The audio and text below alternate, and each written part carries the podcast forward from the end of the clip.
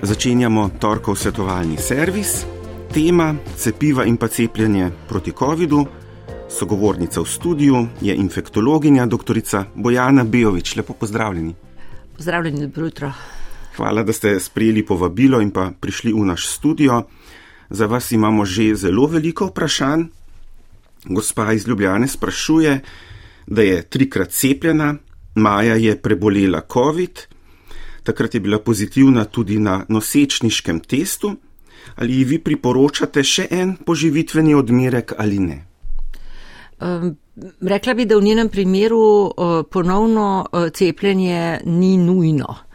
Um, lahko pa se odloči, uh, zdaj ne vem, koliko je noseča, čeprav, če je bila Se maja. mi zdi, da kar od maja. Uh, od maja, uh, torej proti koncu nosečnosti v zadnjem trimestru, takrat bo minilo tudi najbrž že pol leta od um, zadnjega dogodka, recimo, uh, ki je bilo v tem primeru uh, prebolela bolezen. Imava že prvi telefonski klic. Gospod Dušan z vrhovcev, pozdravljeni. Ja, dober dan.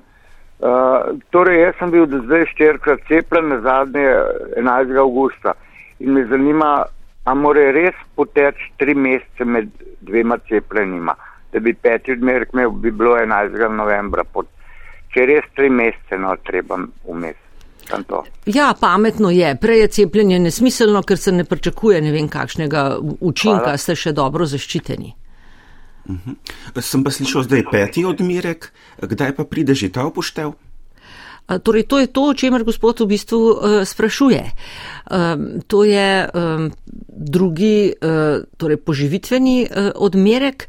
Ta je v bistvu najbolj svetovan tistim, ki imajo kakršnokoli bodi si motno imunosti ali pa so starejši in imajo zato v bistvu slabši odgovor na, na cepljenje.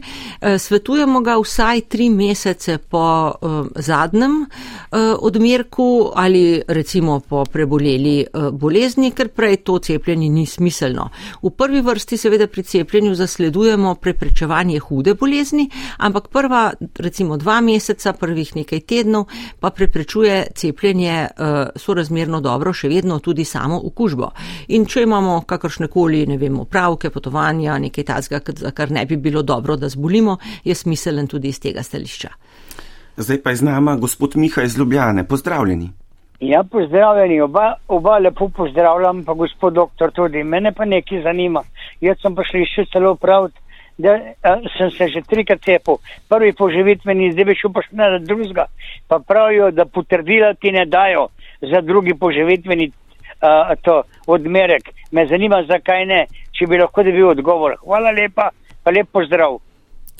To je stvar, eh, mislim, da informacijskega sistema na Nacionalnem inštitutu za javno zdravje. V potrdilu vam bo pisalo tretji odmerek, ampak vendarle unešen bo pa datum tega četrtega cepljenja. Tako da šteje, da tako rečem v narekovajih, datum. Gospod Bojan iz Ljubljane je prav tako poklical, pozdravljeni. Ja, dober dan, bo iz Ljubljane pri telefonu. Mene pa nekaj zanima. Mila so doma dva, ena oseba je pač starejša, je že okrog 90, jaz sem srčni bolnik, oba dva sva bila cepljena s prvim odmerkom, drugim odmerkom, prvim poživitvenim, drugim poživitvenim, poživitvenim odmerkom in ta drugi poživitveni odmerek je bil, mislim, da 28. julija letos.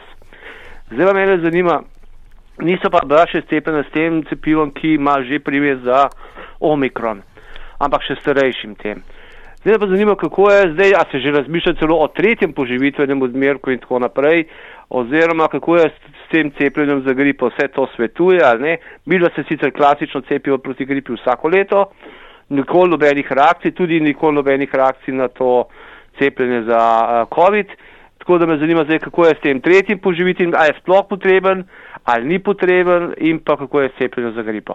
Hvala lepa in nasvidenje. Uh, ja, priporočamo tudi tako imenovani peti uh, odmerek, uh, posebej za uh, skupine z večjim tveganjem. Prav gotovo ljudje, ki so stari 90 let, naj bi se cepili s tem odmerkom sedaj jeseni. Za ostale bolnike, za ostale ljudi, ki imajo kakršnekoli hude bolezni, sami omenjate, da ste srčni bolnik, bi bilo tudi smiselno, ampak ne prej kot tri mesece po, po zadnjem odmerku. Eh, kar se tiče cepljenja proti gripi, lahko upravite to cepljenje skupaj s cepljenjem proti COVID-19. Naenkrat to je pač en obisk na cepilnem mestu. Eh, cepljenje proti gripi seveda prav tako priporočamo, lahko bi rekla, isti skupini ljudi. Gospod Jože iz Maribora, dobro jutro. Lepo zdrav obema, star sem 85 let, štirikrat sem bil cepljen, dva podžitvena odmerka pa me zanima, ali priporočate oziroma na to novo cepivo tudi peto cepljenje. Eh, torej, doprinos eh, tega petega cepljenja, eh, tega usmerjenega cepljenja je tam nekje recimo 50-70 odstoten v primerjavi z recimo cepljenjem z prvim poživitvenim odmerkom. Zdaj, odvisno je, kdaj ste bili na zadnje cepljeni s tem četrtim odmerkom. Če je od tega minilo že tri mesece ali pa če je minilo že šest mesecev, nekateri ljudje so se cepili že ob prvem priporočilu aprila, letos potem bi bilo to cepljenje vsekakor smiselno. V tem primeru, da ste bili cepljeni že spomladi s četrtim odmerkom, imate najbrž kakšno uh, bolezen ali kakšno tako stanje, zaradi uh, česar ste pač prišli, uh, bili prej uh, vabljeni na četrti odmerek. Poklical nas je stojan iz Ljubljane, ki ga pa zanima, pri kateri starosti so otroci lahko že cepljeni proti COVID-u. Torej pri petih letih mislim, da so v Evropi registrirana cepiva. Uh mhm. -huh. Poslušalec iz obale pa pravi, da je že nekajkrat klical v zdravstveni dom Izola, pa so rekli, da še nimajo eh, cepiva, verjetno tega novega, za poživitveni odmerek. Zakaj še ni na voljo? Uh, torej, cepivo je na voljo, tako da gre najbrž za kakšen konkreten tehnični zaplet. Gospod naj pokliče še enkrat, verjetno je to že rešeno. Poslušalka Helena je pa vprašanje pustila v režiji. Pravi, da ima 66 let, trikrat je cepljena in je potrebljen po tretjem cepljenju kot sunja, da je brez energije, utrujena, bolijo jo noge. Sprašuje, kaj naj naredi. Prej je bila izjemno aktivna, na kolesu hodila je, zdaj pa jo bolijo noge in kot rečeno nima energije. Pravi še, da se je utrujenost začela kakšen mesec po cepljenju. Zelo težko je uh, tako stanje povezati s cepljenjem. Uh, Gospod bi bilo treba pregledati in ugotoviti, ali obstaja še kakšen drug razlog, uh, verjetnejši razlog za te težave.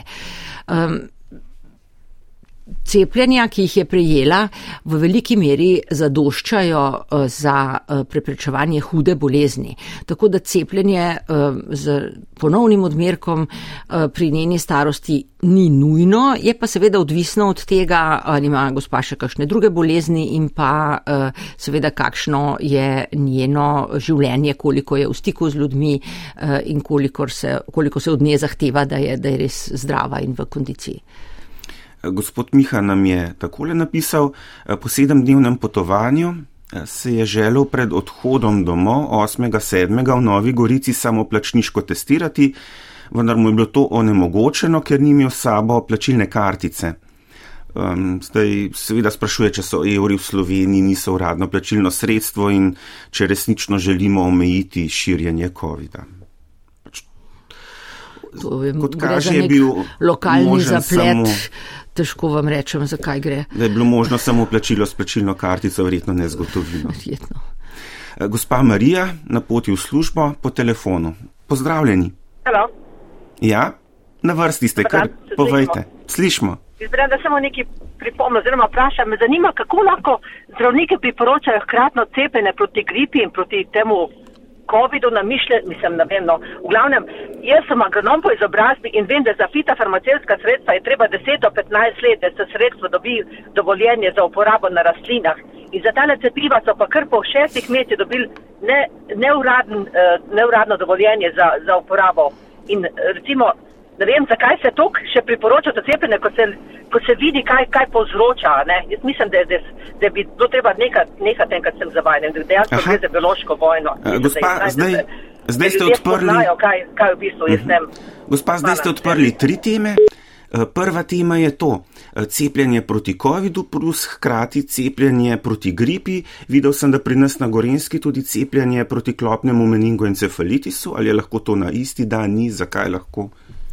V bistvu eh, želimo včasih časovno ločiti cepljenja, zato ker eh, želimo ugotoviti, čemu pripada nek neželeni učinek. Ampak ker cepivo proti gripi dobro poznamo in je malo reaktogeno, po drugi strani sedaj tudi dobro poznamo že cepljenje proti COVID-19, večina držav priporoča eh, sočasno cepljenje oziroma cepljenje s kakršnim koli razmakom. So pa recimo cepiva situacije, zdaj recimo cepivo proti opičjim kozam, kjer pa smo nekoliko bolj previdni. Eh, Razprava je tudi po svetu, nekje priporočajo, da je možno cepljenje z drugimi cepivi, drugi so pa bolj konzervativni in pravijo, da je bolje, da je eh, razmak, zato da pač vidimo, kakšni bodo.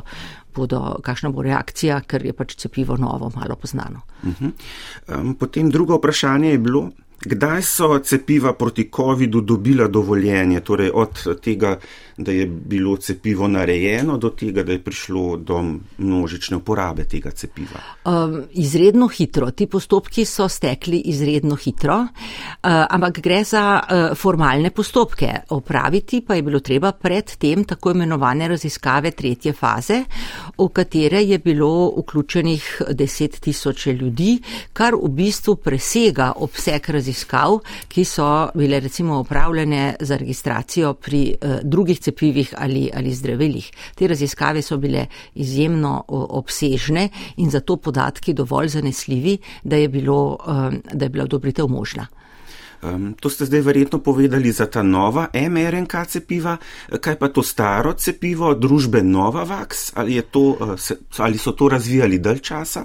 Um, pravzaprav ne, samo uh, tehnologija uh, je pač poznana pri cepivih in uporabljena uh, že daljši čas, medtem ko so mRNA cepiva v bistvu tudi razvijali že daljši čas uh, za druge namene, torej tehnologija je bila poznana, ampak uh, v obliki takega množičnega cepljenja pa uh, mRNA cepiva niso bila uporabljena. Uh -huh. Pa še tista tretja tema, ki jo je odprla gospa, kakšna je učinkovitost oziroma neučinkovitost cepiv eh, proti okužbi pa proti hudemu poteku COVID-a.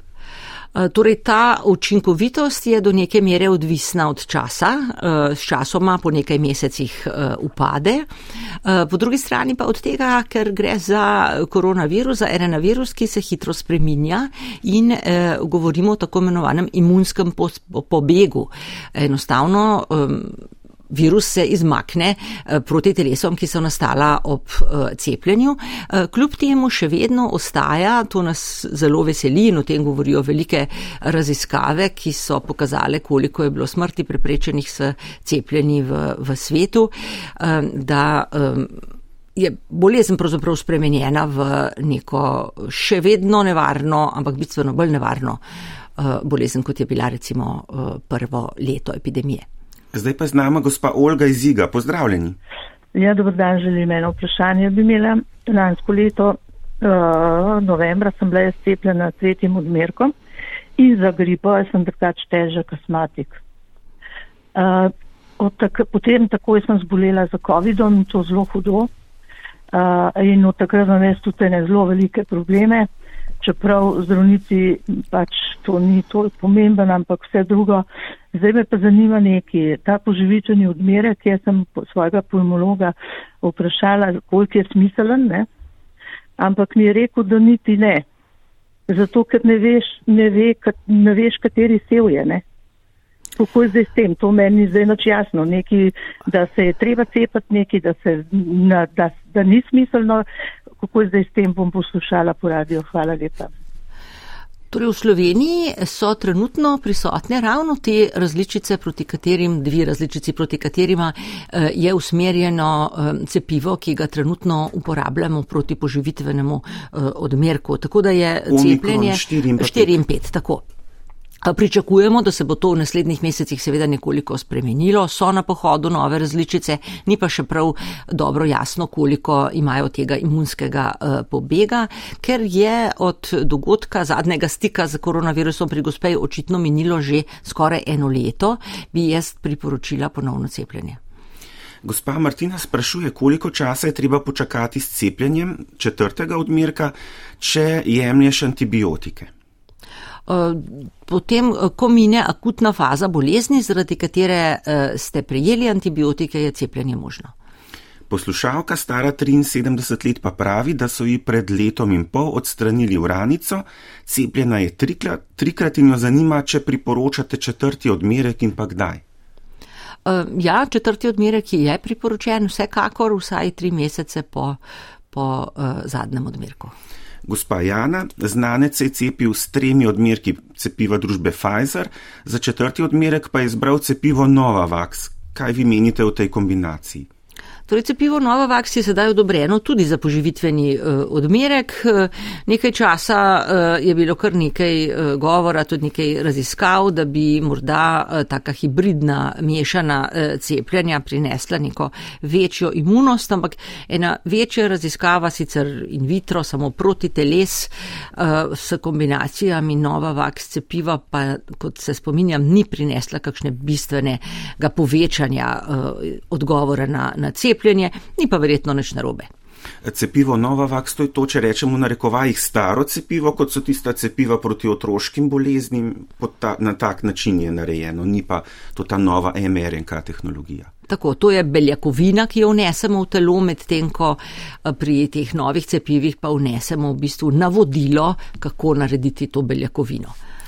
Še gospod Bogdan pravi takole, žena je bila do zdaj trikrat cepljena, julija letos je prebolela COVID, kdaj se pa lahko zdaj cepi z drugim poživitvenim? Julija je prebolela. Torej, lahko se cepi že po treh mesecih, nekaj imunosti v tem času izveni, ampak lahko pa počakati ja do, do šestih mesecev. Odvisno od tega, kakšno je tveganje. -huh, pa še gospa Mimi, potem bova pa spet. Uh, šla na telefonski klic. Eh, gospa Mimi pa piše, pred dvema mesecema sem po treh cepljenih prebolela rahlo obliko okužbe, kdaj se zdaj lahko cepi z drugim poživitvenim odmerkom. Pri gospej se ne mudi, um, lahko se cepi po treh mesecih, ampak lahko pa počaka, kot rečeno, eh, šest mesecev. Seveda pa je to zelo odvisno, za uh, kakšno osebo gre. Uh, če gre za mladega, zdravega človeka, potem mogoče tudi po šestih mesecih to dodatno cepljenje ni potrebno. Uh, če pa gre za starejšega, seveda je pa pametno, da se zaščiti. Zdaj mi je šlo. Kdaj rečete vi, da je človek starejši, kar se cepljanja tiče? Po 65, po 80 letu? Torej, različno, glede na različne raziskave. Raziskave recimo v četrtem odmerku so pokazale, da pod 50 letom verjetno ni nekega doprinosa, se pravi je meja 50 let, ponekod priporočila tudi raziskave omenjajo mejo 60 let, potem so pa še posebna skupina ljudi, recimo nad 80, ki so pa izredno bolj ogroženi kot ostali. Gospa Milenka iz Krškega, pozdravljeni. Pozdravljeni, pozdravljeni, lep pozdrav. Uh, ja, poslušam vašo oddajo. Mislim, uh, srečna sem, mislim, da, da mislim, toliko, ko so ljudje cepljeni s četrtim odmerkom, pa tako pa da ni, pa, pa da še živijo no, v tem smislu. Ker eh, tukaj veliko pri nas eh, so cepljeni, pa so ravno sedaj zelo zboleli in prenašajo okužbo naprej, bi pa nekaj druga imela za zdravnico vprašanje. A je brala knjigo Kuga korupcije od dr. Judi Mikovič. Ona je dvojna doktorica, ki je sodelovala pri tem razvoju cepiv za uh, COVID. In pravi, cepiva so vir epidemije COVID in kaj meni ona o tem. Mislim, zakaj uh, ni varnostnih študij narejenih. Mislim, kdo je lahko cepljen, kdo ne, ker vsak ne prenaša cepiv. Uh, mislim, to bi bilo smiselno. Lejte, imamo dopisnika iz Japonske, ki je poročal na prvem programu že ene tri tedne, v ponedeljek zjutraj, deset pred sedmo in pravi, ne moram se vrniti nazaj na, Japon na Kitajsko, ker uh, samo uh, sem pocepljen samo s enim odmerkom in še ta sem, tega sem komi preživel. Kaj mislite vi? No, hvala lepa in lep pozdrav. Uh -huh, hvala. torej cepiva niso vir epidemije, to je biološko popolnoma nemogoče. Um, kar se tiče um, varnostnih raziskav, seveda. Uh, En del raziskav, vseh raziskav cepivih eh, je namenjen eh, iskanju učinkovitosti, drugi del pa seveda varnosti. In to veliko število vključenih eh, bolnikov je ravno pripomore k temu, da bolj spoznamo varnostne zaplete po cepivih. Kljub temu se je recimo, kot veste, pri, pri vektorskih cepivih zgodilo, da ko je bilo cepljenih dovolj ljudi, pa se je pojavila, pojavil neželeni učinek, ki v raziskavah preiskavah, kljub temu, da so bile obsežne, eh, ni bil zaznan, ker je bilo pač število vključenih premehno. Tako da se eh, varnostni zapleti spremljajo pravzaprav vse čas. Tudi v Sloveniji lahko karkoli se takega zgodi, prijavite preko spleta na eh, spletni strani NIJZ neželeni dogodek ali pa vam pri tem pomaga vaš zdravnik. Pomembno je, da se ti neželeni učinki zbirajo po vsem svetu, ker na ta način zaznamo, ali je morda kje kakšen eh, redek neželen učink, ki ga v populaciji recimo dveh milijonov, kot nas je slovencev, ne bi zaznali. Mhm. Ker veliko krat naletim na to, da naj bi zaradi cepiva v Sloveniji zdaj umrlo veliko ljudi, redno spremljam podatke in gospa, jaz vam lahko povem, da ta podatek o presežnih smrtih zdaj sploh ne izstopa. Torej, zdaj ljudje ne umirajo, ne umrejo ne zaradi COVID-a, torej zaradi okužbe z novim koronavirusom in ne zato, eh, ker bi bili cepljeni. Se veste, to sta zdaj v tem trenutku dve um, taki stvari, ne ki sta bolj pogosti, kot sta bili leta prej, ne, torej cepljenje in pa COVID, in v tem trenutku ni um, v Sloveniji to število smrti povečano. Uh, gospa Julija pa takole piše. Stara sem 29 in sem prebolela COVID trikrat, bila cepljena enkrat. Po cepljenju sem imela hujši COVID kot takrat, ko je bila okužena torej pred cepljenjem. Zdravnica mi dodatno cepljenje odsvetuje. Kako lahko dobi potrdilo, da cepljenje za njo ni priporočljivo, če bo ponovno treba biti cepljen za normalno življenje? Torej, trenutno, razen v določenih situacijah za določene države, pravzaprav potrdila o cepljenju niso več relevantna, niso več potrebna. Gospa je pravzaprav štirikrat srečala novi koronavirus, enkrat s cepljenjem, trikrat je prebolela, tako da glede na njeno starost ponovno cepljenje trenutno res ni, ni nujno. Gospa Danica, 80-letna mama, je enkrat prebolela COVID, nima kroničnih bolezni. 55-letna poslušalka pa je še neokužena, aha, je pa trikrat bila cepljena s Pfizerjem, to je verjetno gospa Danica. Eh, poslušalka je imela po tretjem odmerku 40 eh, temperature, ekstremno slabo se je počutila in se boji ponovitve eh, te visoke temperature in slabega počutja. In sprašuje za obe, torej zase in za mamo cepiti da ali ne in s katerim cepivom in kakšen je razmak med eh, tem odmerkom in pa cepljenjem proti gripi.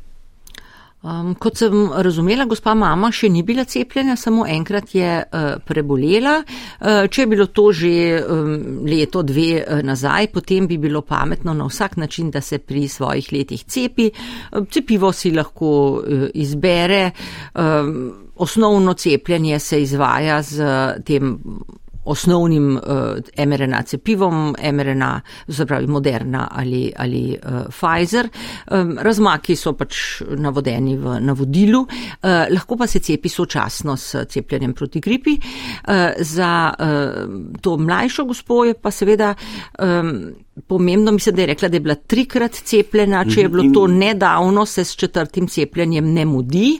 Uh, če pa je tega minilo že več kot pol leta, bi bilo zlasti zaradi kontakta z uh, svojo uh, mamo, smiselno, da se cepi, da pa poskrbi, da recimo ob prvih težavah, ki se pojavijo po cepljenju, že vzame kakšno zdravilo, ki znižuje vročino in zmanjšuje bolečine, če je šlo zraven tudi za kakšen tak glavobol. Gre za reakcije, ki so zelo neprijetne v posameznih primerjih, ampak v bistvu niso nevarne. Gospod Janes, ali je res, da je bilo za drugi poživitveni odmerek eh, proti COVID-u za odobritev pri EMI opravljeno testiranje samo na miškah in ne na ljudih? Uh, ja, res je. To je bil tudi eden od uh, razlogov, uh, da je, uh, torej zdelo se nam je takrat, ko je EMA odobrila cepljenje proti, uh, usmerjeno proti BA1, uh, da bo počakala na uh, raziskave pri ljudeh z BA4, BA5, medtem ko je ameriški FDA neposredno uh, odobril uh, cepivo proti BA4, BA5. Um, potem se je tudi EMA, kot veste, premislila. Uh, uh, podobno situacijo, kot jo imamo vsako leto pri gripi. Vsako leto se proti gripi cepimo z malo drugačnim, lahko bi rekli novim cepivom, ki se preveri tudi samo pri poskusnih živalih, ne dela se humanih uh, raziskav, zato ker so razlike tako majhne, da to ni uh, potrebno. Gospa Alinka je prebolela COVID, cepila se je dvakrat, sedaj je poteklo potrdilo. Če se sedaj cepi s poživitvenim odmerkom, ali to potrdilo potem postane neomejeno. Ali se zdaj šteje od začetka in če so sploh potrdila še potrebna, sprašuje. Torej, potrdila so potrebna za določene države. Če bi gospa potovala, če se bo cepila sedaj s tretjim odmerkom, to velja pač kot zadnje cepljenje, torej polno cepljenje s tremi odmerki in bi to moralo veljati. In še dve vprašanji. Gospod Marjan sprašuje o smiselnosti poživitvenega cepljenja v svojem primeru. Eh, bil je trikrat cepljen, junija letos je okužbo prebolov. Naj se zdaj cepi? Torej, če gre za mladega, zdravega človeka, se, se s ponovnim cepljenjem ne mudi. Če ima gospod kakšne druge dejavnike tveganja, starost eh, bi sploh izpostavila, potem je smiselno, da se cepi nekje pol leta po uh, zadnjem dogodku, se pravi eh, enkrat proti koncu leta. In pa še poslušalka, piše, da je lani aprila prebolela COVID, zatem se je cepila s Pfizerjem, en odmerek. Letos poleti je spet zbolela, vendar je zbolela v lažji obliki kot lani. Zanimajo, koliko odmerkov cepiva bi morala letos sprejeti, da bo polno cepljena in pa da bo zaščitena. Hm. Um, Mislim, da bi zadoščal en sam, en sam odmerek, ki bi v tem primeru v bistvu štev kot poživitveni odmerek, kar se tiče zaščite, dejanske eh, zaščite pred eh, boleznijo ali hudo boleznijo. Seveda vprašanje pa je, kako bi to polno cepljenje eh, v narekovajih upoštevali nekje v eni državi, ki zahteva cepljenje kot pogoj za vstop. Ura je 8 in pa 32 minut. Doktorica Bojana Bejovič, hvala lepa vam za odgovore in vse dobro. Hvala tudi vam za povabilo. Nasvidenje, srečno. Poslušalke in poslušalci, v svetovalnem servisu se nam spet pridružite jutri, govorili bomo pa o osnovnih pravilih, o priporočilih prehranjevanja. Zdaj pa nadaljujemo z jutrom na prvim, z nami bo Anja Rupert.